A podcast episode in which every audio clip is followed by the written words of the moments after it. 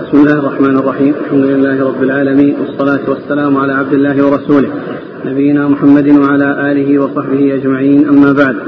قال الإمام الحافظ أبو عيسى الترمذي رحمه الله تعالى قال في جامعه في كتاب تفسير القرآن في من, من سورة التوبة قال حدثنا ابن أبي عمر قال حدثنا سفيان عن أبي إسحاق عن زيد بن يسيع قال سألنا عليا رضي الله عنه بأي شيء بعثت في الحجة؟ قال بعثت بأربع. ألا يطوف بالبيت عريان.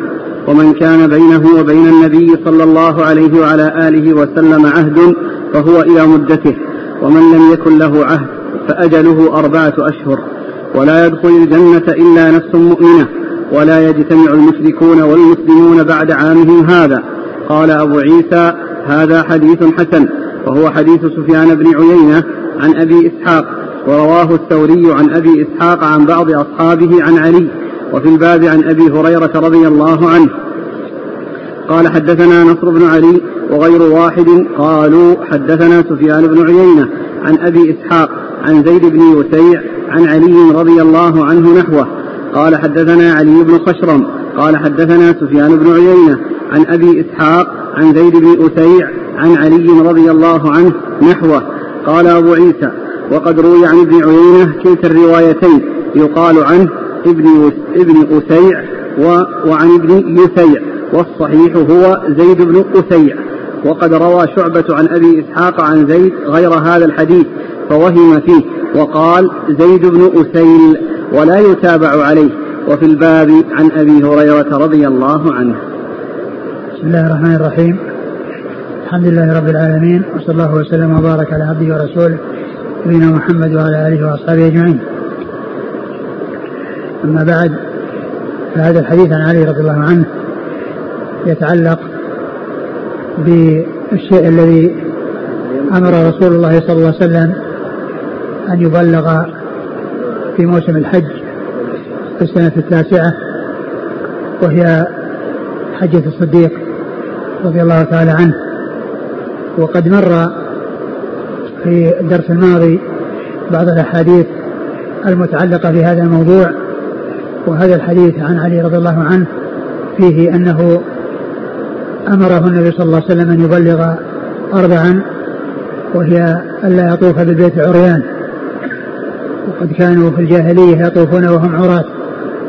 الرسول صلى الله عليه وسلم أمر أن أن يبلغ الناس في تلك الحجة في السنة التاسعة أنه لا يطوف البيت عريان وأن الشيء الذي كان موجودا من قبل أنه ينتهي وأنه لا يكون بعد هذه السنة وبعد هذه الحجة أن يأتي أحد بهذه على هذه الهيئة. وكذلك أيضا آه، أن من كان له عهد يعني بينه وبين رسول الله صلى الله عليه وسلم فإنه إلى مدته. يعني المدة التي يكون الرسول صلى الله عليه وسلم عاهد أحدا عليها فإنه يمكن من الوصول إليها وبلوغها. ومن لم يكن له عهد فإنه يمهل أربعة أشهر يمهل أربعة أشهر آه ثم بعد ذلك آه يكون الأمر كما أخبر الله عز وجل في كتابه في قوله فإذا انسلخ الأشهر الحرم فاقتلوا المشركين حيث وجدتموهم الآية.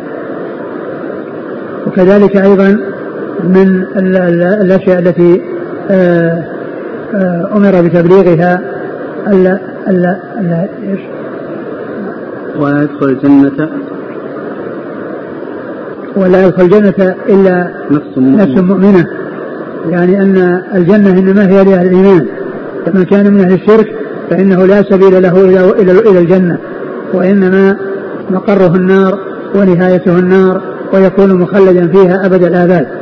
فالجنة إنما هي لمن كان مؤمنا وأما من كان كافرا فإنه من أهل النار ولا يكون من أهل الجنة في حال من الأحوال. كذلك لا يجتمع المشركون والمسلمون بعد هذا العام بمعنى أن أن المشركين لا يحجون ولا يمكنون من دخول الحرم. كما قال الله عز وجل إنما المشركون نجس فلا يقربوا المسجد الحرام بعد عامهم هذا. فكانوا يحجون في حال كفرهم والرسول صلى الله عليه وسلم آه، أمر بأن آه، يعني ينادى وأن يبلغ في الموسم أنه لا يحج بعد العام مشرك وأنه لا يجتمع المسلمون والكفار بعد عامهم هذا وإنما يكون الحضور والقدوم إلى مكة إنما هو للمسلمين فقط. ولا يجوز للكفار أن يقدموا عليها لا في حج ولا في غيره. كما قال الله عز وجل إنما المشركون نجس فلا يقربون الحرام بعد عامهم هذا.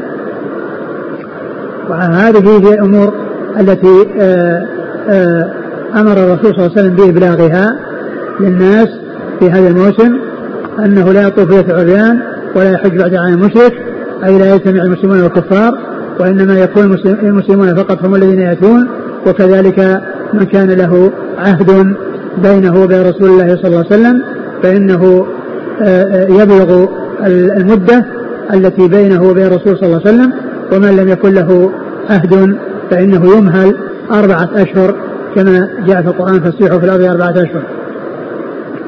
والرابعة أنه لا يدخل الجنة إلا نفس مؤمنة فإن الجنة إنما هي للمؤمنين سواء كانوا مؤمنين كامل الإيمان أو مؤمنين ناقص الإيمان فإنهم هم الذين يكون الجنة والمؤمنون الكمل يكونون في الجنة من أول وهلة. وأما المفرطون وأصحاب المعاصي الذين عندهم كبائر فإنهم يصيرون إلى الجنة إما من أول وهلة إذا عفى الله عن من شاء منهم أن يعفو عنه ومن لم يعفو عنه وشاء تعذيبه فإنه يعذبه في النار على مقدار جرمه. ثم يخرجه الله عز وجل ويدخله الجنة ولا يبقى في النار أبد الآباد إلا الكفار الذين هم أهلها. فإذا الجنة لا يدخلها في أول الأمر ولا في آخر الأمر إلا من كان مؤمنا. نعم.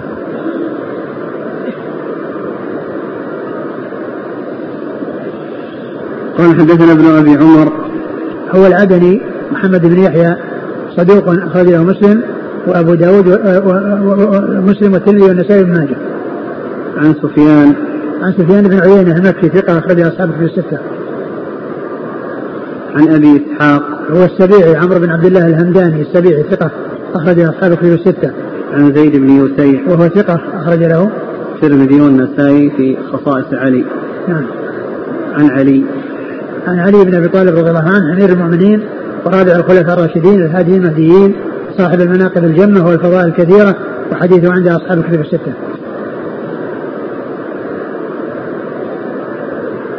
ورواه الثوري عن أبي إسحاق. الثوري هو سفيان بن سعيد بن مسروق الثوري ثقة أخرج له أصحاب الكتب الستة. وفي الباب عن أبي هريرة. عبد الرحمن بن صخر الدوسي رضي الله عنه أكثر الصحابة حديثا. قال حدثنا نصر بن علي نصر بن علي الجهضمي ثقة أخرج أصحاب كتب الستة. قال حدثنا علي بن خشرم قال حدثنا؟ نصر بن علي. لا لا هذا في الاسناد الإسناد. الإسناد الأول نصر بن علي ثم الباقي تقدم. وسفيان بن عيينة عن أبي إسحاق عن زيد بن سعيد عن علي. نعم علي بن خشرم ثقة أخرج له. مسلم والترمذي والنسائي. نعم. عن سفيان بن عيينة عن أبي إسحاق عن زيد بن أثيع نعم لأنه جاء أثيع وجاء يثيع وجاء أثيل في حديث آخر يعني من طريق شعبة وقال إن هذا لا يصح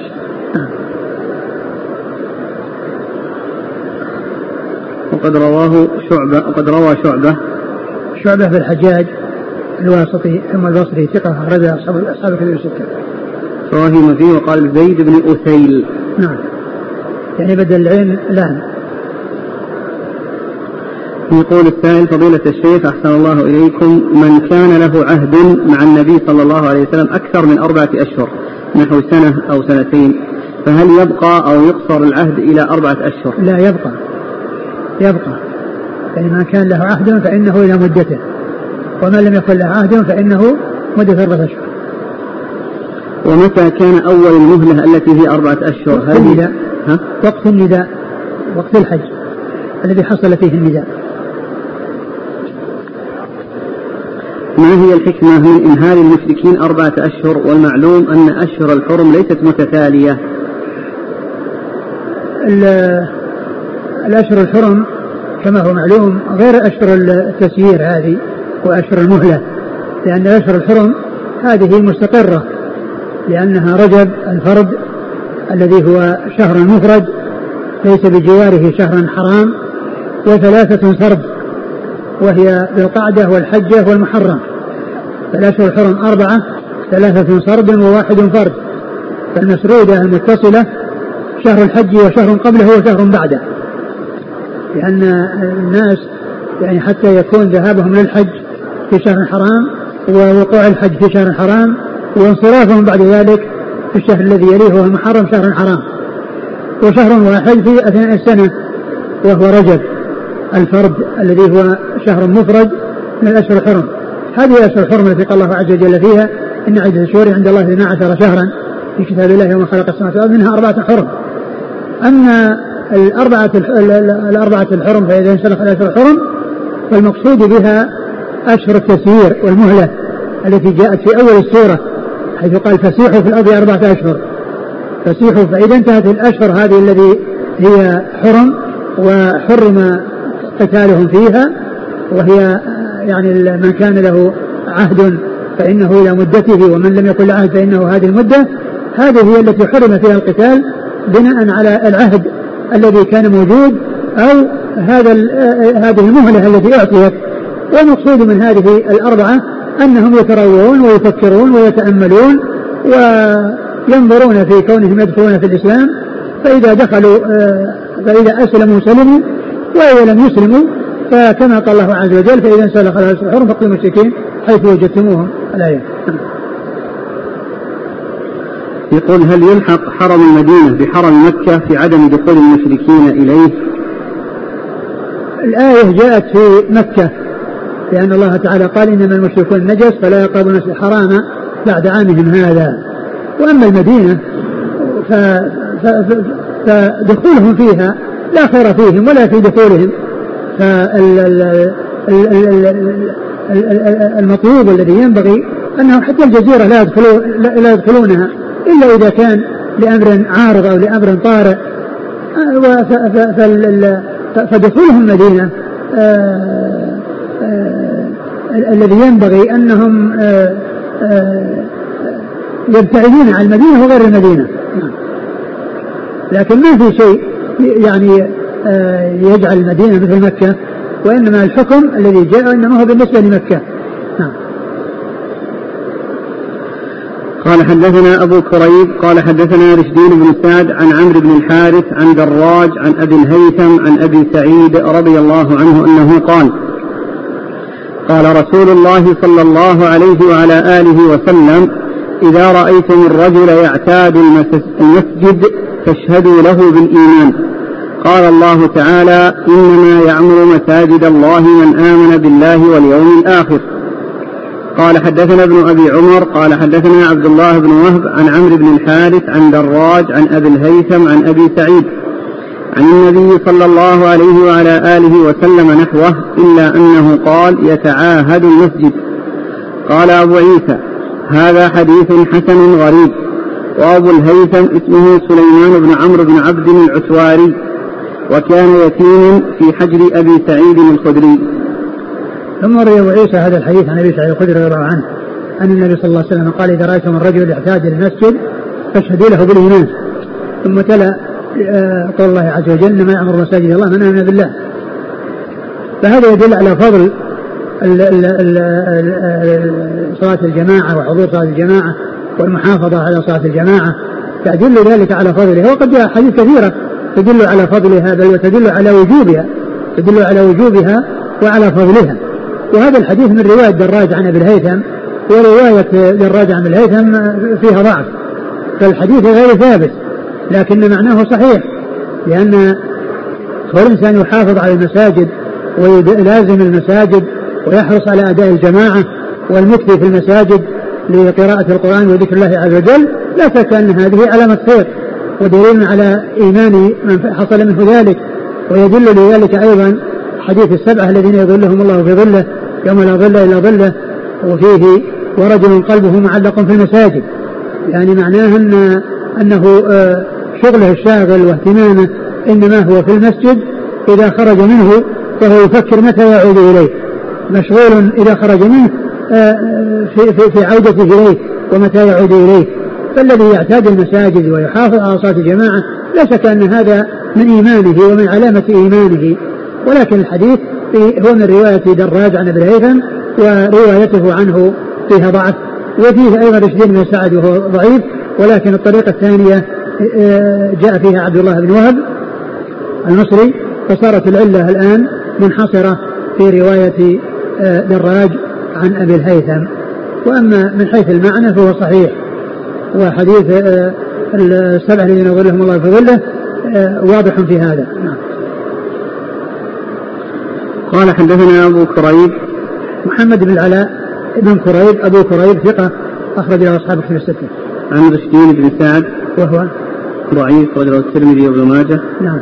عن عمرو بن الحارث وهو ثقة أخرج له أصحاب كتب الستة. عن دراج وهو صدوق في حديث عن أبي الهيثم ضعف نعم. البخاري المفرد وأصحاب السنن نعم.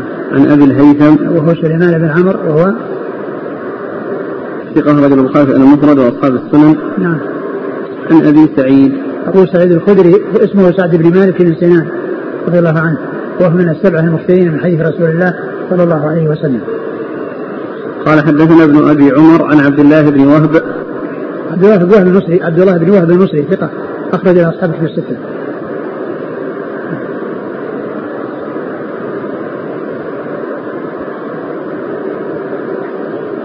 يقول بعض أهل العلم يقول الآية إنما يعمر مساجد الله من آمن بالله واليوم الآخر. فلا نستطيع أن نجعلها مصححة للحديث شاهدة له لأن الآية فيها من يعمر مساجد الله المؤمن. والحديث الآية يعني مضمونها من يعمر مساجد الله هو المؤمن. والحديث فيه شيء ليس في الآية فاشهدوا له بالإيمان. معلوم معلوم أن أنه لا تنافي بين الآية والحديث لأن الحديث الآية إنما هي في المؤمن من آمن بالله. وهذا فيه أن من حصل ذلك فإن الناس يعرفون من عمله هذا أنه مؤمن.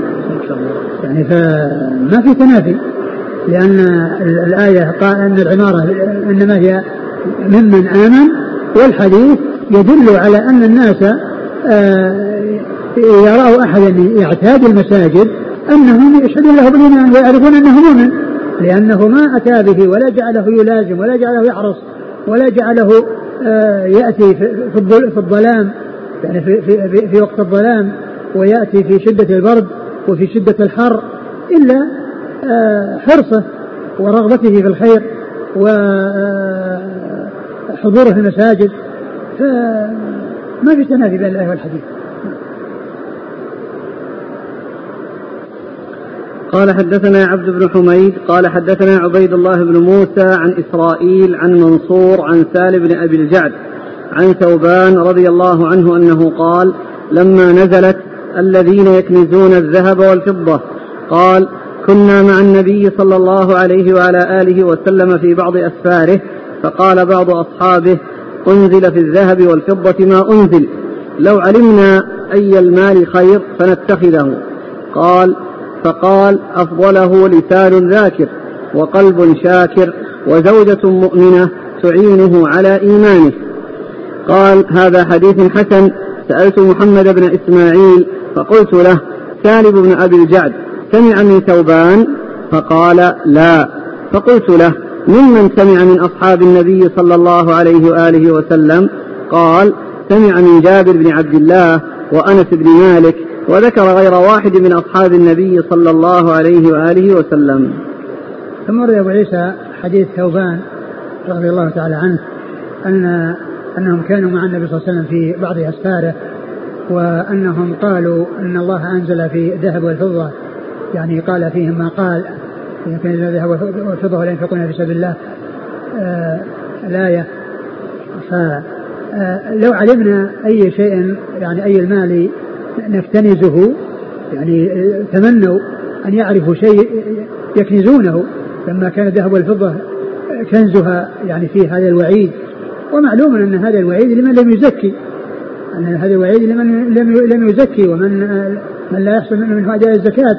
وإلا فإن المال الذي إذا أخرج زكاته لا يكون كنزا. آه، آه، فالرسول صلى الله عليه وسلم قال آه لسان ذاكر وقلب شاكر وامرأة آه تعين صاحبها على طاعة الله تعين زوجها على على طاعة الله عز وجل. وهذا آه وهذا السؤال منهم رضي الله عنهم وأرضاهم لمعرفة الشيء الذي يكتنزونه فالرسول صلى الله عليه وسلم أرشدهم إلى أن آه تكون ألسنتهم ذاكرة لله عز وجل وقلوبهم شاكرة لله عز وجل وأن آه، آه، يحرصوا على الزوجة الصالحة التي تعين صاحبها على فعل الطاعات كما جاء في الحديث الدنيا متاع وخير متاعها الزوجة الصالحة. وقيل إن هذا من أسلوب الحكيم لأنهم سألوا عن شيء عن المال وأيه يعني آه، أولى أن يدخروه فأرشدهم صلى الله عليه وسلم إلى أن يدخروا شيئا هو غير المال ولكنه هو الذي آه، ينفع فكون الإنسان قلبه ذاكرا لله عز وجل. وقلبه شاكرا لله عز وجل على نعمه الظاهرة والباطنة ويختار زوجها الصالحة التي تكون عونا له على طاعة الله هذا هو الكنز الحقيقي. وهذا من جنس ما جاء في الحديث آه، الدنيا ملعونة ملعون ما فيها إلا ذكر الله وما والاه وعالم ومتعلم إلا ذكر الله وما والاه. ف فالرسول صلى الله عليه وسلم أرشدهم إلى الشيء الذي يدخر ويكتنزه المرء ويلقاه أمامه وهو سهل يسير عليه وهو أن يذكر الله عز وجل ويكون قلبه شاكرا لله سبحانه وتعالى ويكون اختياره في الزواج للزوجة الصالحة التي تكون عونا له على طاعة الله. وقد جاء في الحديث تنكح المرأة لأربع لحسبها ومالها ولدينها فاظفر بذات الدين تربت يداك. يعني بعد أن ذكر الأمور التي تدفع الناس إلى الزواج وإلى اختيار النساء. فمن الناس من يختارها لمالها ومنهم من يكون غرضه الجمال ومنهم من يكون غرضه الحسب ومنهم من يكون غرضه الدين. والمهم هو هذا. ولهذا قال عليه الصلاة والسلام بعد ذلك فاظفر بذات الدين تربت يداك. إذا كان الناس منهم من يتزوج لكذا ومنهم من يزوج لكذا ومنهم من كذا فأنت عليك أن تكون عنايتك وهمتك بذات الدين التي تعينك على طاعة الله عز وجل وتكون أيضا مطمئنا إليها إذا غبت عنها لأن الدين يحميها ويمنعها من أن تقع في أمر لا يسوغ ولا يجوز وفي نفس الوقت أيضا تكون أيضا عونا لك على طاعة الله سبحانه وتعالى. فهذا من الذي يسمونه أسلوب الحكيم وهو ان ان ان, أن السائل عندما يسأل شيء آه، يخبر بشيء غير الذي سأله لأنه هو الذي يكون مهما وهو الذي يكون أهم من غيره. مثل مثل ما جاء عن النبي صلى الله عليه وسلم أنه لما سأله رجل قال متى الساعة يا رسول الله؟ ولما كانت الساعة قيامها أمر سيقع وحاصل. وليس المهم أن يعرف الإنسان وقوعها ولكن المهم أن يعرف الإنسان ماذا قدم. إذا مات وقامت الساعة ليجده أمامه. والرسول صلى الله عليه وسلم لفت نظره إلى الأمر الأهم فقال وماذا أعددت لها؟ قال أعددت لها حب الله ورسوله فقال عليه الصلاة والسلام المرء مع من أحب. فهذا من هذا القبيل لأنه سألوا أي المال ندخره ونكتنزه آه بعدما ذكر في الذهب والفضة ما ذكر فقال آه لسان ذاكر وقلب شاكر وامرأة تعين صاحبها على طاعة الله عز وجل. نعم.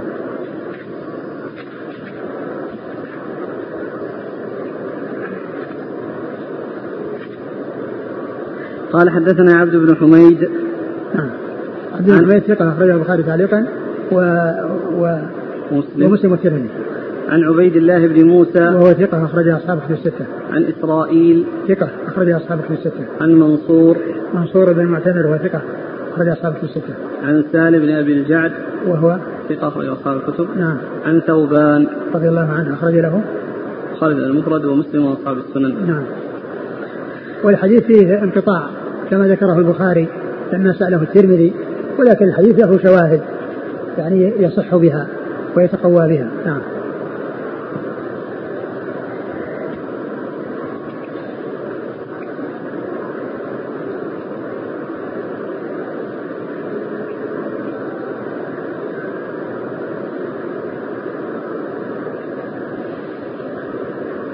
قال حدثنا الحسين بن يزيد الكوفي قال حدثنا عبد السلام بن حرب عن غطيف بن أعين عن مصعب بن سعد عن عدي بن حاتم رضي الله عنه قال أتيت النبي صلى الله عليه وعلى آله وسلم وفي عنقي صليب من ذهب. فقال يا عدي اطرح عنك هذا الوثن. وسمعته يقرأ في سورة براءة اتخذوا أحبارهم و... اتخذوا أحبارهم ورهبانهم أربابا من دون الله. قال أما إنهم لم يكونوا يعبدونهم. ولكنهم كانوا إذا أحلوا لهم شيئا استحلوه وإذا حرموا عليهم شيئا حرموه. قال أبو عيسى هذا حديث غريب لا نعرفه إلا من حديث عبد السلام بن حرب وغطيس بن أعين ليس بمعروف في الحديث. ثم رد أبو عيسى هذا الحديث في آه في قول الله عز وجل اتخذوا أحبارهم ورهبانهم أربابا من دون الله. وذكر حديث عدي بن حاتم رضي الله تعالى عنه أنه قدم على النبي صلى الله عليه وسلم وعلى وفي رقبته صليب من ذهب. فقال عليه الصلاة والسلام ألقي عنك هذا الوثن. لأن يعني هذا من معبودات النصارى لأنهم يعبدون عيسى وهذا يعني آه، رمز يعني له وأنه صلب كما يقولون وكما يزعمون وهو لم يصلب وإنما رفعه الله عز وجل إليه. ف فكان آه، في هذا جمع بين خصلتين ذميمتين. يعني كونه صليب وكونه من ذهب. لأن استعمال الذهب للرجال لا يجوز واتخاذ الصلبان آه، هذا شأن النصارى. وكان نصرانيا رضي الله تعالى عنه وأرضاه. فسمعه يقرأ يعني اتخذوا أحبارهم ورهبانهم وقال إنهم لم يعبدونهم. ما كانوا يعبدون الأحبار والرهبان الأحبار الذين هم آه، علماء اليهود والرهبان الذين هم عباد النصارى. و فقال ولكنهم حلوا لهم ما حرم الله فاستحلوه وحرموا عليهم ما وحرموا عليهم ما أحل الله فحرموه متابعة لهم وأخذا بما قالوه. ف فبين صلى الله عليه وسلم في هذا الحديث ما معنى عبادتهم لهم واتخاذهم أربابا من دون الله. وأنهم يستحلون ما يستحلون الذي حرموه مما حله الله وبالعكس و آه، والعباد يعني والأحبار هم آه، علماء اليهود والذين يعرفون الحق ولا يعملون به والرهبان هم عباد النصارى الذين يعبدون الله على جهل وضلال. ولهذا جاء عن بعض السلف أنه قال من فسد من علمائنا ففيه شبه من اليهود. ومن فسد من عبادنا ففيه شبه من النصارى. لأن اليهود معهم علم ولم يعملوا به فالذي عنده علم ولم يعمل به مشابه لليهود ومن يعبد الله عز وجل على غير هدى بل على ضلال فإنه يكون مشابها للنصارى الذين يعبدون الله عز وجل على جهل آه، وضلال. نعم.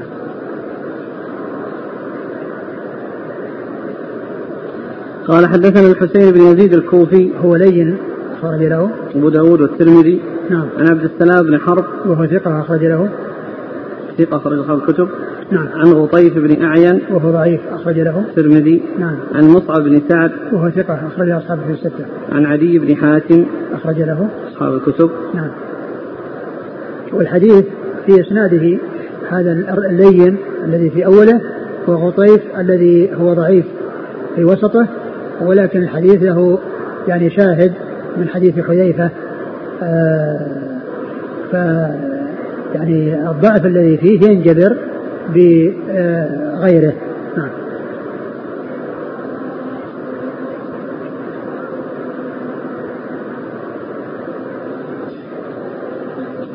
أسئلة جاءت عن مسألة الصليب. مثلا هذا السؤال يقول ما هو الضابط في الصليب؟ فنرى كثيرا من الأشياء فيها تقاطع هل يتجنبها الإنسان أم لا حرج عليه؟ مثل علامة الزائد في الحساب وبعض القلانس والشماغ به تقاطع وكذلك في بعض الساعات بداخلها بعض علب الأدوية. الصليب هو على شكل الإنسان وهو خطان متقاطعان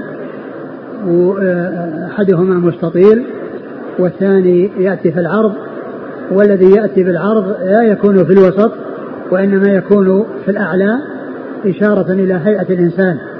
وأن يديه ليست في وسطه وإنما هي فوق ذلك فهذا هو الصليب. وأما التقاطع أي تقاطع لا يمنع منه لا يمنع منه مثل الدلو يعني هذه العراقي التي يكون فيها خطان خشبتان متقابلتان والناس يستعملونها ويستعملون ما يحتاجون إليه ولا يمنعون من أي شيء آه، يكون فيه تقاطع. وكذلك استعمال يعني آه، علامة زائدا في الحساب. يعني آه، ما في مانع. لا يقال إن هذا إن هذا صليب وإنما الصليب الذي هو على هذه الهيئة. نعم.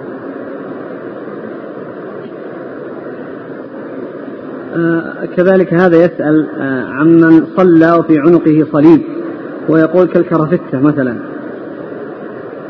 معلوم إن الكرافتة ليست صليب ولكنها من من من من, من, من لباس الكفار ومن ألبسة الكفار وهي المسلمين المسلمين لما جاءت من الكفار. فالذي يصلي في هذا صلاته صحيحة ولكنه متشبه بالكفار. أسئلة عن من لبس الصليب. قد لا يكون استحلالا ولا تعظيما له. ليس الإنسان يلبس الصليب لكن الذي الذي لبسه أو اضطر إلى لبسه بأن يكون مثلا يكون عندهم في بلاد النصارى بعض المرضى إذا كان مريض يعني ولا يدخله إلا إنسان يعني عليه يعني لباس يعني فيه الصليب فإذا كان اضطر إلى لبسه من أجل أنه يدخل ما يضر لكن ينبغي له أن يحرص على عدم لبسه أن يحرص على عدم لبسه. وأن يدخل بدونه لكن إذا كان ولا بد من دخوله وكان اضطر إلى أن يلبسه من أجل أن يصل إلى المريض الذي في الداخل ف آه، يختلف عن من يلبسه رغبة فيه أو يعني استحلالا له. نعم. يقول ابتلينا في هذه الأزمنة بوجود شعار الصليب على كثير من الألبسة والسيارات فما العمل تجاه ذلك؟ ما كان على هيئة الصليب فيزال ولا يترك ولا يترك ولا يبقى. إذا كان ولكن لا يقال أن كل خطين متقاطعين هي صليب. لأن بعض الناس يعتبر كل شيء في تقاطع يكون يكون صليب. ولا أدري يعني يعني الدلة هذه اللي كانت موجودة وفيها هذه الطريقة هل هل عندهم تكون من هذا القبيل فتمنع الدلاء التي الناس كانوا بحاجة إليها على هذه الطريقة؟ أو لا؟ نعم. هذا مثلا يقول في بعض الجوالات صليب واضح فالخط العرضي آه، خط العرض من أعلى أقصر. لا يجوز استعماله. لا يجوز استعماله. إذا أمكن إزالته يزال. وإذا كان لا تمكن إزالته فإنه لا يشترى الجوال الذي فيه الصليب. لكن إذا أمكن يعني إزالته بأن يحك أو يعني يتخلص منه هذا هو المتعين. هو يسأل عن من اشتراه والآن هل له يجوز أن يد... هل يجوز له أن يدخل به المسجد؟ أولا يجب عليه أن يحكه وأن يزيله ولا يبقيه ما دام ابتلي به. وإذا كان أنها ما ابتلي به فهو لا يشتريه.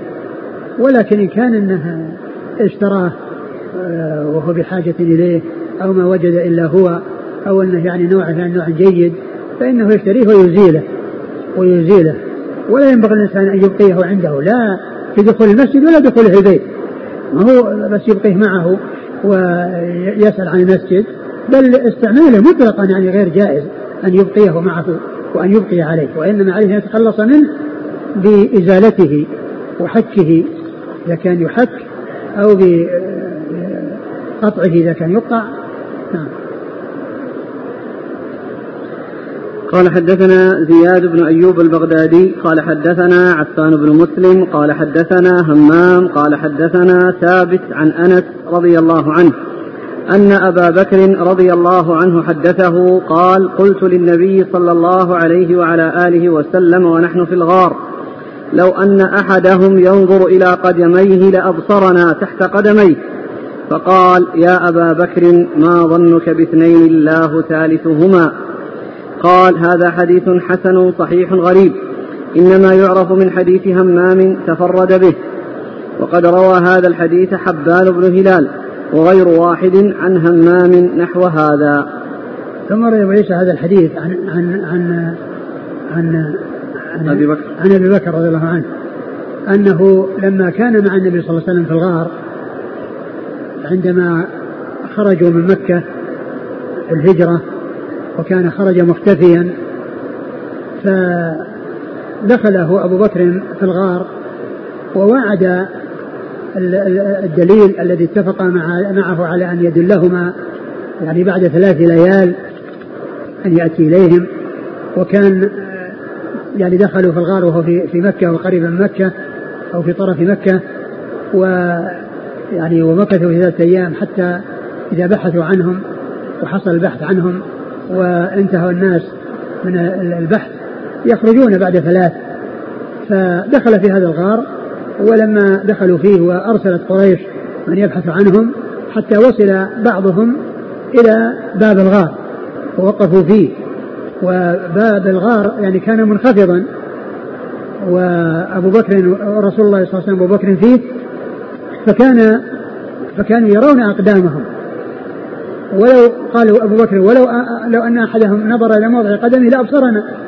يعني, أنهم واقفين ولا يشوفون اللي في الغار. ولكن الرسول صلى الله عليه وسلم وصاحبه يرون أرجلهم لأن الغار يعني منخفض مدخله. ف فلو أن واحدا منهم نزل وانبطح على الأرض أو جلس وينظر في الغار لرآهم ولكن الله عز وجل صرفهم عنهم. والرسول صلى الله عليه وسلم لما قال أبو بكر ما قال؟ قال ما ظنك باثنين الله ثالثهما. يعني أن الله عز وجل هو الذي يكفي يكفينا إياهم وهو الذي معنا بنصره وتأييده وحفظه. ولهذا جاء في القرآن لا تحزن إن الله معنا. فهو معهم بنصره وتأييده وحفظه وكلأته سبحانه وتعالى. وإلا فالمعية بعلمه مع كل أحد. ما يكون نجوى ثلاث إلا هو رابعهم لا خمسة إلا هو سادسهم ولا أدنى من ذلك ولا أكثر إلا هو معهم. فالمعية معية معية في العلم هذه تكون لكل أحد ولكن المعية التي هي الخاصة التي معناها النصر والتأييد والحفظ والكلأة الكلأة يعني كونه يكلأهم ويحفظهم هذه إنما تحصل لأولياء الله عز وجل. لا تحزن إن الله معنا. ما ظنك باثنين الله تعالى الله تعالى ثالثهما. فهذا الحديث يدل على آه على آه ما كان عليه الرسول صلى الله عليه وسلم من من من من, من, الثبات وعدم آه من الثبات والتوكل على الله عز وجل والاعتماد عليه وأنه يكفيه ويحفظه ويرعاه ويحميه من نيل الأعداء منه ووصولهم إليه. ويدل أيضا على فضل أبي بكر رضي الله عنه كونه لازم النبي صلى الله عليه وسلم وكان معه في الهجرة ومعه في الغار وكذلك يدل على على أن الأمر بيد الله عز وجل وأن من حفظه الله فهو المحفوظ وذلك أن الكفار مع وصول آه، من يبحث عن الرسول صلى الله عليه وسلم وصاحبه إلى باب الغار الله تعالى صرفهم ومنعهم ولم يمكنهم منهم مع قربهم منهم وكون رسول الله صلى الله عليه وسلم وصاحبه بكر آه، ينظرون إلى أقدامهم وهم واقفون أو يمشون عند باب الغار. نعم. وفي فضيلة أبي بكر لأنه آه، وصف بأنه صاحب رسول الله صلى الله عليه وسلم في هذه الآية. يقول لصاحبه لا تحزن الله معنا. نعم. قال حدثنا زياد بن أيوب البغدادي. هو ثقة أخرج له؟ البخاري وأبو داود والترمذي والنسائي. نعم. عن عفان بن مسلم. الصفار ثقة أخرج أصحاب في الستة. عن همام همام همام بن يحيى العوذي ثقة أخرج أصحاب في الستة عن ثابت ثابت بن أسلم البناني ثقة أخرج أصحاب في الستة عن أنس أنس بن مالك رضي الله عنه خادم الرسول صلى الله عليه وسلم وأحد المكثرين من حديثه. عن أبي بكر. نعم أبو بكر الصديق رضي الله عنه خليفة رسول الله صلى الله عليه وسلم آه، صاحب المناقب الجمة والفضائل الكثيرة حديث عند أصحاب الكتب الستة. قال وروى هذا الحديث حبان بن هلال هو أيضا ثقة أخرج أصحاب الكتب الستة. جاء عدد من الأسئلة في ثبوت قصة ما يذكر في السيرة الحمامة التي باضت على باب الغار والعنكبوت التي نسجت. ما نعلم يعني فيه ما نعلم شيء ثابت في هذا ولكن ال ال الرسول صلى الله عليه وسلم وصاحبه رأوا الأقدام رأوا الأقدام التي كانت أقدام الكفار الذين جاءوا يبحثون عن رسول الله صلى الله عليه وسلم وصاحبه فباب الغار يعني مكشوف. ولهذا الرسول رأى وأبو بكر رأوا الأقدام. فما نعلم شيء ثابت في هذا.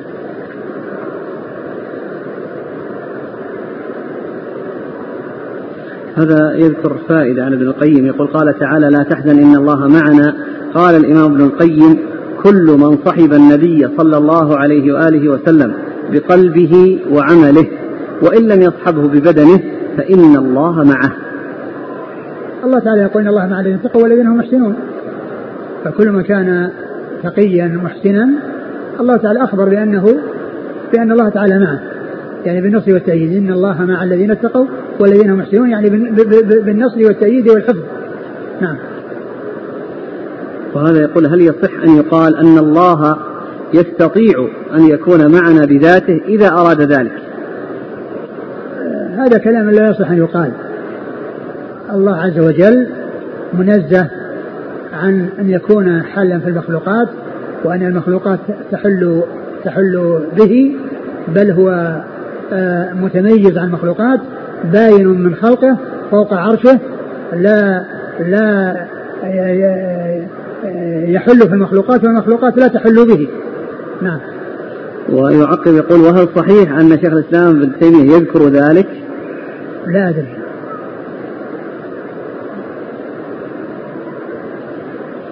هنا يقول شيخنا الفاضل وفقكم الله لكل خير ذكر الشيخ الألباني رحمه الله في أحد أشرطته أنه قد وردت رواية قوية تفيد تفيد أن الله عز وجل أمر ملكا فسد باب الغار بجناحه. وضعف قصة العنكبوت الذي نسج شبكته على الباب والحمامة التي بنت عشها عند الباب. والله ما ندري عن صحة هذا الكلام عن الشيخ ناصر. فال يحتاج إلى معرفة المصدر وأين وجد يعني هذا الحديث الذي فيه ذكر الجناح. والله عز وجل على كل شيء قد يعني قضية الرؤية يعني جاء في الحديث انهم أنهم رأوا اللي هم اللي في الداخل رأوا من كان في الخارج. لكن إذا كان يعني صحيح فلا ما في تنافي. يمكن ان أن يكون رأوا من خلال يعني جناحه لكن هذا يحتاج إلى ثبوت. كونه كون فيه ملك سده. وهذا لا يكفي يعني مجرد هذا الخبر.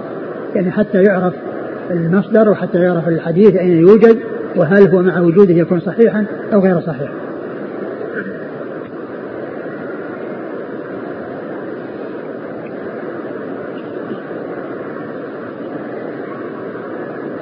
قال حدثنا عبد بن حميد قال حدثنا يعقوب بن إبراهيم بن سعد عن أبيه بن إسحاق عن الزهري عن عبيد الله بن عبد الله بن عتبة عن ابن عباس رضي الله عنهما أنه قال سمعت عمر بن الخطاب رضي الله عنه يقول لما توفي عبد الله بن أبي دعي رسول الله صلى الله عليه وعلى آله وسلم للصلاة عليه فقام إليه فلما وقف عليه يريد الصلاة تحولت حتى قمت في صدره. فقلت يا رسول الله أعلى عدو الله عبد الله بن أبي القائل يوم كذا كذا وكذا يعد أيامه. قال ورسول الله صلى الله عليه وعلى آله وسلم يتبسم.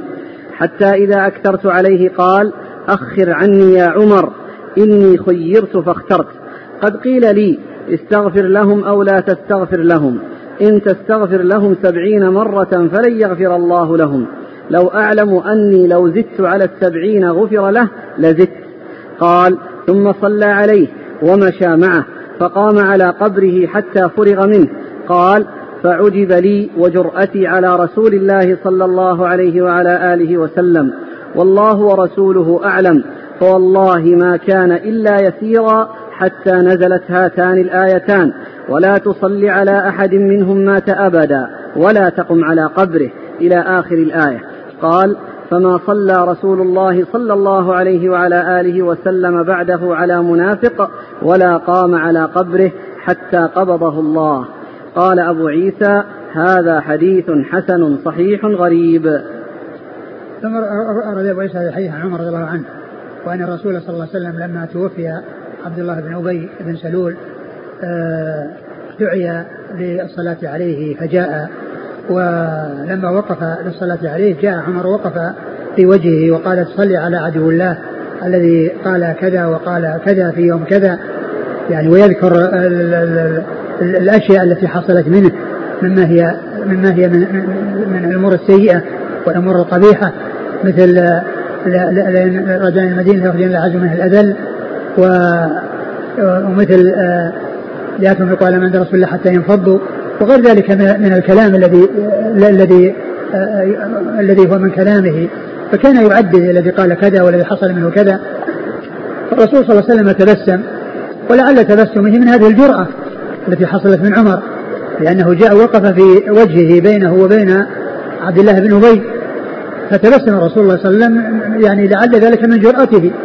ثم قال له أكثر وأخبر صلى الله عليه وسلم أنه أنه خير بين الاستغفار وعدمه وأنه قيل تصلون سبعين مرة فلن يغفر الله لهم وأنه لو أنه لو, لو زاد على ذلك فإنه يفعل إذا كان المقصود هو التحديد بالسبعين.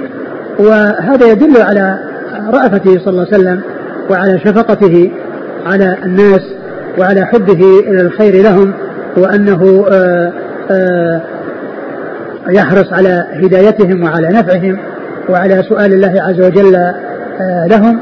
وقال إنه لو علم بأنه يزيد على السبعين لفعل فبعد ذلك ذهب وتبعه صلى الله عليه وسلم حتى قدر. وأنزل الله عز وجل بعد ذلك ولا تصلي على أحد منهم مات أبدا ولا تقم على قبره ولا تقم على قبره. ف وهذا من من من موافقات عمر رضي الله عنه. الذي يقول يقول الشيء ويشير بالشيء ثم ينزل القرآن مطابقا لما قاله ولما أشار به واقترحه رضي الله تعالى عنه وأرضاه. أعد الحديث. يقول عمر رضي الله عنه لما توفي عبد الله بن أبي دعي رسول الله صلى الله عليه وسلم للصلاة عليه فقام إليه فلما وقف عليه يريد الصلاة تحولت حتى قمت في صدره. فقلت يا رسول الله أعلى عدو الله عبد الله بن أبي القائل يوم كذا كذا وكذا يعد أيامه. قال ورسول الله صلى الله عليه وسلم يتبسم حتى إذا أكثرت عليه قال أخر عني يا عمر إني خيرت فاخترت. قد قيل لي استغفر لهم أو لا تستغفر لهم إن تستغفر لهم سبعين مرة فلن يغفر الله لهم. لو أعلم أني لو زدت على السبعين غفر له لزدت.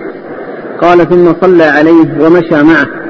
فقام على قبره حتى فرغ منه قال فعجب لي وجرأتي على رسول الله صلى الله عليه وسلم يعني عجب الصحابة من جرأته على رسول الله صلى الله عليه وسلم حيث قام ووقف في وجهه بينه وبين عبد الله بن أبي الذي أراد أن يصلي عليه. نعم. نعم. والله ورسوله أعلم فوالله ما كان إلا يسيرا حتى نزلت هاتان الآيتان.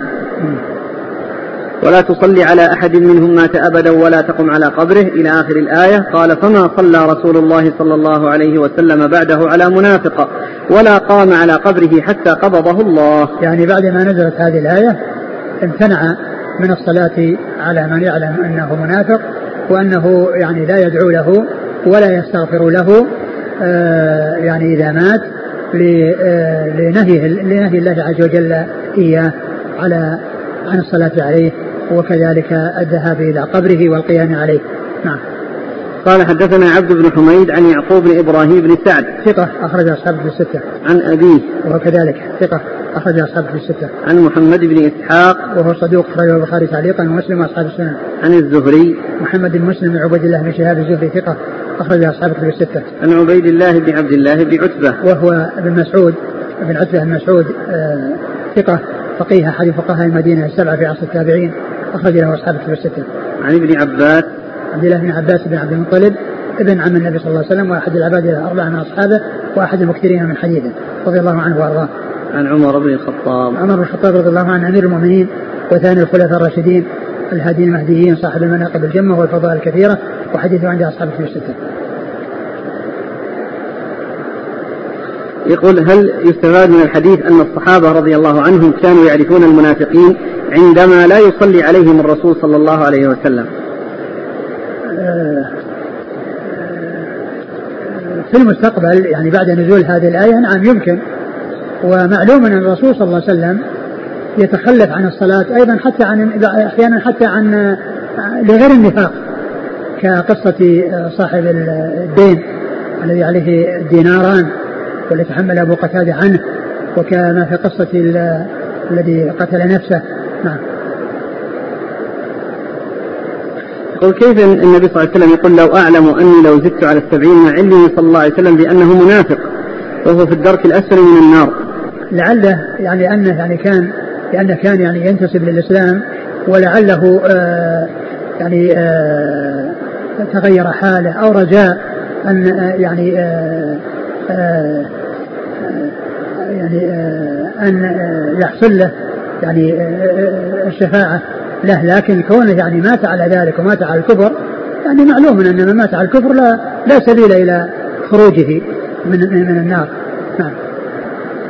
هل يؤخذ من الحديث أن بعض أفعال النبي صلى الله عليه وسلم تكون باجتهاده الخاص؟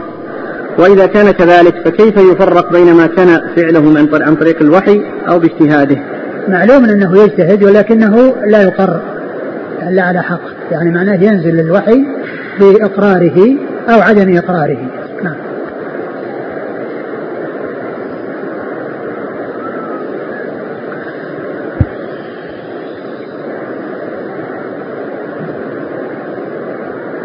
قال حدثنا محمد بن بشار قال حدثنا يحيى بن سعيد قال حدثنا عبيد الله قال أخبرنا نافع عن ابن عمر رضي الله عنهما أنه قال جاء عبد الله بن عبد الله بن أبي إلى النبي صلى الله عليه وعلى آله وسلم حين مات أبوه فقال أعطني قميصك أكفنه فيه وصل عليه واستغفر له. فأعطاه قميصه وقال إذا فرغتم فآذنوني.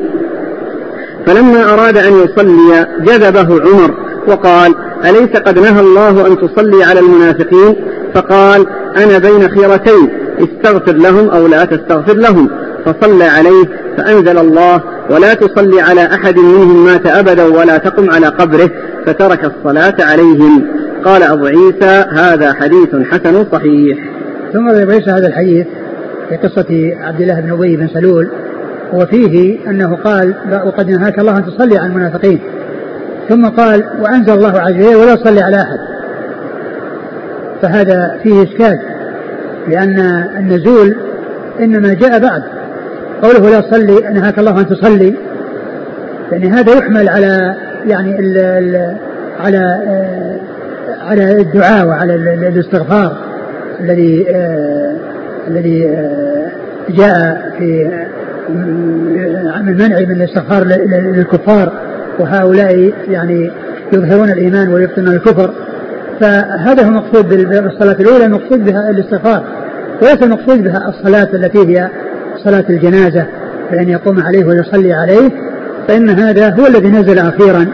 فإذا قوله وقد نهاك الله أن تصلي عليه يحمل على الدعاء والاستغفار الذي جاء في قوله ما كان النبي والذين امنوا يستغفرون المشركين ولو كانوا لقربى نعم.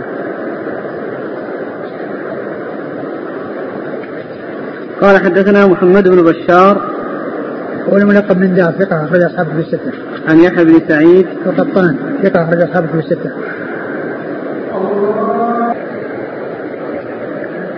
ويمكن أن يكون المراد بالصلاة التي قال عمر رضي الله عنه إن الله تعالى نهاك أن تصلي عليهم أن المقصود من ذلك الاستغفار الذي جاء ذكره في قوله استغفر لهم ولا استغفر لهم قال ان تستغفر لهم سبعين مرة فلن يغفر الله لهم.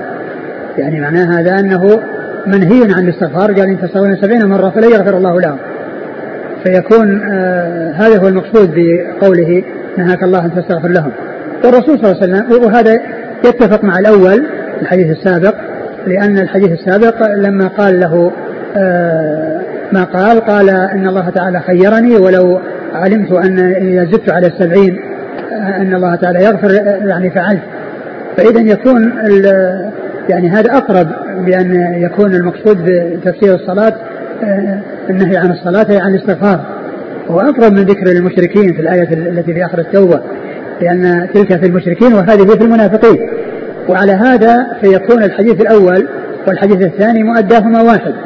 لأن الحديث الثاني قال نهاك الله أن تصلي على المنافقين آه، يحمل على كونه نهي عن الاستغفار لهم. وأنه لو استغفر لهم سبعين مرة لن يغفر الله لهم. والرسول صلى الله عليه وسلم بين له أنه خير في الحديث الأول وأنه لا آه، آه، يعني ذكر ذكر له السبعون وأنه لو كان إذا زاد على السبعين فعل فإنه يفعل. وهذا لكمال شفقته عليه الصلاة والسلام وحرصه على المغفرة وتجاوز عن عن عن هؤلاء الذين عن هذا الذي قصد الصلاة عليه. نعم. وصلنا محمد بشار عن ابن سعيد عن عبيد الله. عبيد الله بن بن عبد عبيد الله بن عمر بن حفص العمري المصغر ثقة أخرج أصحابه في الستة. عن نافع. نافع مولى بن عمر ثقة أخرج أصحابه في الستة. عن ابن عمر. عبد الله بن عمر الخطاب رضي الله عنهما أحد العبادلة الأربعة واحد المكثرين من حديث الرسول صلى الله عليه وسلم. نعم. يقول السائل في الرواية الأولى ف... فقمت في صدره والرواية الثانية فلما أراد أن يصلي جبده عمر فكيف الجمع بين الروايتين؟ ما في تنافي بينهم يمكن أن يكون جبده أول ثم بعد ذلك آه، تقدم وصار في وجهه نعم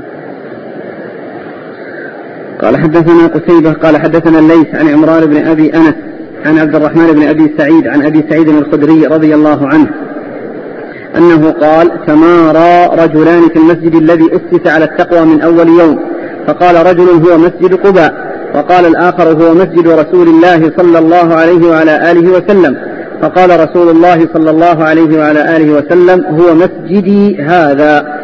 قال أبو عيسى هذا حديث حسن صحيح غريب من حديث عمران بن أبي أنس وقد روي هذا عن أبي سعيد من غير هذا الوجه. ورواه أنيس بن أبي يحيى عن أبيه عن أبي سعيد رضي الله عنه. ثم رضي عيسى هذا الحديث عن أبي سعيد الخدري في بيان الذي المسجد الذي أسس على التقوى من أول يوم. ومعلوم أن الآية ظاهرة في أنه مسجد قبى لأنه هو المقابل لمسجد الضرار الذي قال آه، لمسجد أسس على التقوى آه، من أول يوم حق ان تقوم فيه يعني من ذلك المسجد. وقد تمارى اثنان من أصحاب الرسول صلى الله عليه وسلم فقال أحدهم أنه مسجد قبى وقال الثاني إنه مسجد الرسول صلى الله عليه وسلم فقال الرسول هو مسجدي هذا.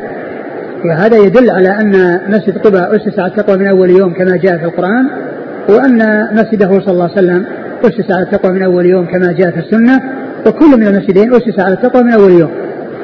ف وكل منهما بناه الرسول صلى الله عليه وسلم. لأن مسجد قبى بناه الرسول صلى الله عليه وسلم أول ما قدم إلى آه، المدينة ونزل في قبى أيام ومسجده هو الذي بناه. عندما انتقل من قبى إلى داخل المدينة وبنى مسجده صلى الله عليه وسلم.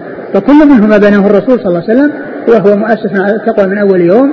والقرآن جاء في آه، مسجد قبى والسنة بينت أن الرسول أن مسجده كذلك آه، أسس على التقوى من أول يوم. نعم. قال حدثنا قتيبة. قتيبة بن سعيد ثقة أخرج أصحابه في الستة. عن الليث ابن سعد المصري ثقة أخرج أصحابه في الستة. عن عمران بن أبي أنس. وهو ثقة أخرج له. قال في المفرد ومسلم وأصحاب السنن. نعم. عن عبد الرحمن بن أبي سعيد. وهو ثقة أخرج له. قال تعليقا ومسلم وأصحاب السنن. نعم. عن أبي سعيد الخدري. رضي الله عنه. نعم. قال ورواه أنيس بن أبي يحيى. وهو ثقة أبو داود والترمذي. نعم. عن أبيه. وأبوه سمعان. لا بأس به. نعم. وجده أصحاب السنن. نعم. عن أبي سعيد. نعم. بعده؟ الحديث اللي بعده قال حدثنا محمد بن العلاء أبو كريب قال حدثنا معاوية بن هشام قال حدثنا يونس بن الحارث عن إبراهيم بن أبي ميمونة عن أبي صالح عن أبي هريرة رضي الله عنه عن النبي صلى الله عليه وعلى آله وسلم أنه قال نزلت هذه الآية في أهل قباء فيه رجال يحبون أن يتطهروا والله يحب المطهرين. قال كانوا يستنجون بالماء فنزلت هذه الآية فيهم. قال هذا حديث غريب من هذا الوجه قال وفي الباب عن أبي أيوب وأنس بن مالك ومحمد بن عبد الله بن سلام رضي الله عنهم. وهذا الحديث يتعلق بأهل قبى وأن الله تعالى أثنى عليهم بأنهم يتطهرون وانهم يحبون أن يتطهروا والله يحب المطهرين وان أنهم سئلوا عن الشيء الذي كانوا يفعلونه وأنهم كانوا يستنجون بالماء وقد آه، جاء في بعض الأحاديث أنهم يجمعون بين الاستنجاء والاستجمار ولكنه لم يثبت. وهذا الحديث الذي جاء هنا في إسناده من فيه ضعف ولكن له شواهد يتقوى بها وأنهم كانوا يستنجون بالماء. نعم. قال حدثنا محمد بن العلاء أبو كريب نعم. عن معاوية بن هشام. هو ثقة أخرج له. صدوق له أوهام أخرج المفرد ومسلم وأصحاب السنن. نعم. عن يونس بن الحارث وهو ضعيف. أخرج أبو داود والترمذي وابن ماجه. و... عن إبراهيم بن أبي ميمونة. وهو مجهول أخرج له. أبو داود والترمذي وابن ماجه. نعم. عن أبي صالح. وهو ذكوان ذكوان السمان ثقة. أخرج أصحابه الستة. عن أبي هريرة. رضي الله عنه أكثر الصحابة حديثا. نعم. قال وفي الباب عن أبي أيوب. أبو أيوب الأنصاري خالد بن زيد رضي الله عنه أخرج له أصحابه في ستة وأنس بن مالك ومحمد بن عبد الله بن سلام. محمد بن سلام ليس له رواية في الكتب و هذا شيء. ما كان للنبي والذين آمنوا أن يستغفروا المشركين. والله تعالى أعلم وصلى الله وسلم وبارك على نبينا ورسوله نبينا محمد وعلى آله وأصحابه أجمعين. إذا سمعنا غفر الله لنا ولكم وللمسلمين أجمعين. يقول السائل هل بقيت حرمة الأشهر الحرم أم نسخت؟ في ذلك خلاف بين أهل العلم. منهم من قال بأنها باقية ومنهم من قال إنها منسوخة. فيه أسئلة للمعتمرين. آه هذا السؤال يقول نحن من الجزائر وصلنا إلى جدة ثم أتينا إلى المدينة مباشرة. فمن أين يلزمنا الإحرام؟ من ميقات المدينة. من جاء إلى جدة غير محرم ثم جاء إلى المدينة فإنه يحرم من المدينة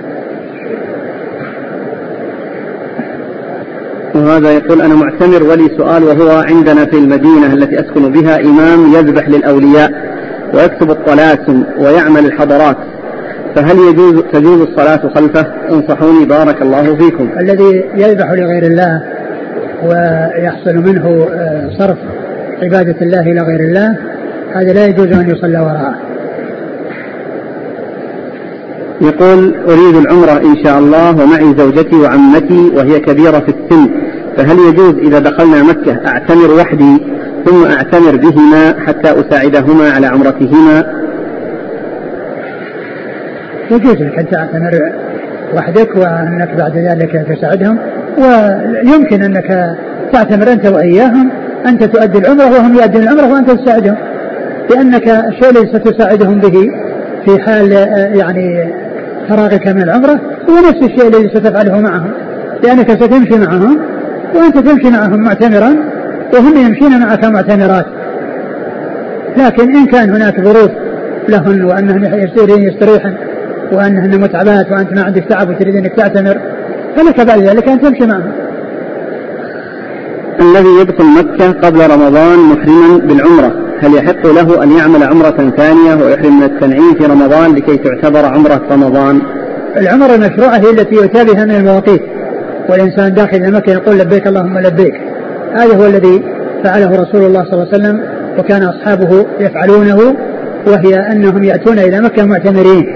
فالإنسان إذا دخل مكة قبل رمضان وجاء رمضان إذا تيسر له أن يأتي إلى المدينة مرة أخرى أو يذهب إلى خارج المواقيت أن يذهب إلى الطائف أو يذهب إلى الرياض ثم يرجع إلى مكة فإذا رجع يعتمر وتكون هذه العمرة مشروعة. وأما التردد بين الكعبة والتنعيم هذا ما جاء شيء يدل عليه. الأسئلة تأتي في هذا الإشكال أن الفوج ربما يتحرك من المدينة قبل ثبوت هلال رمضان. فيقول بعضهم هل نبقى على إحرامنا ولا نبدأ بالعمرة مباشرة حتى نتأكد من دخول الشهر ثم نبدأ بأداء العمرة؟ كيف يبقون على الإحرام؟ يعني يحرمون يوصلون مكة ما يبدأون بالعمرة. لا لأن إذا ثبت لأن العمرة العمرة المقصود أن يؤتى بها من بدايتها إلى نهايتها. فعمرة العمرة في رمضان يكون الإحرام في رمضان والأداء في رمضان.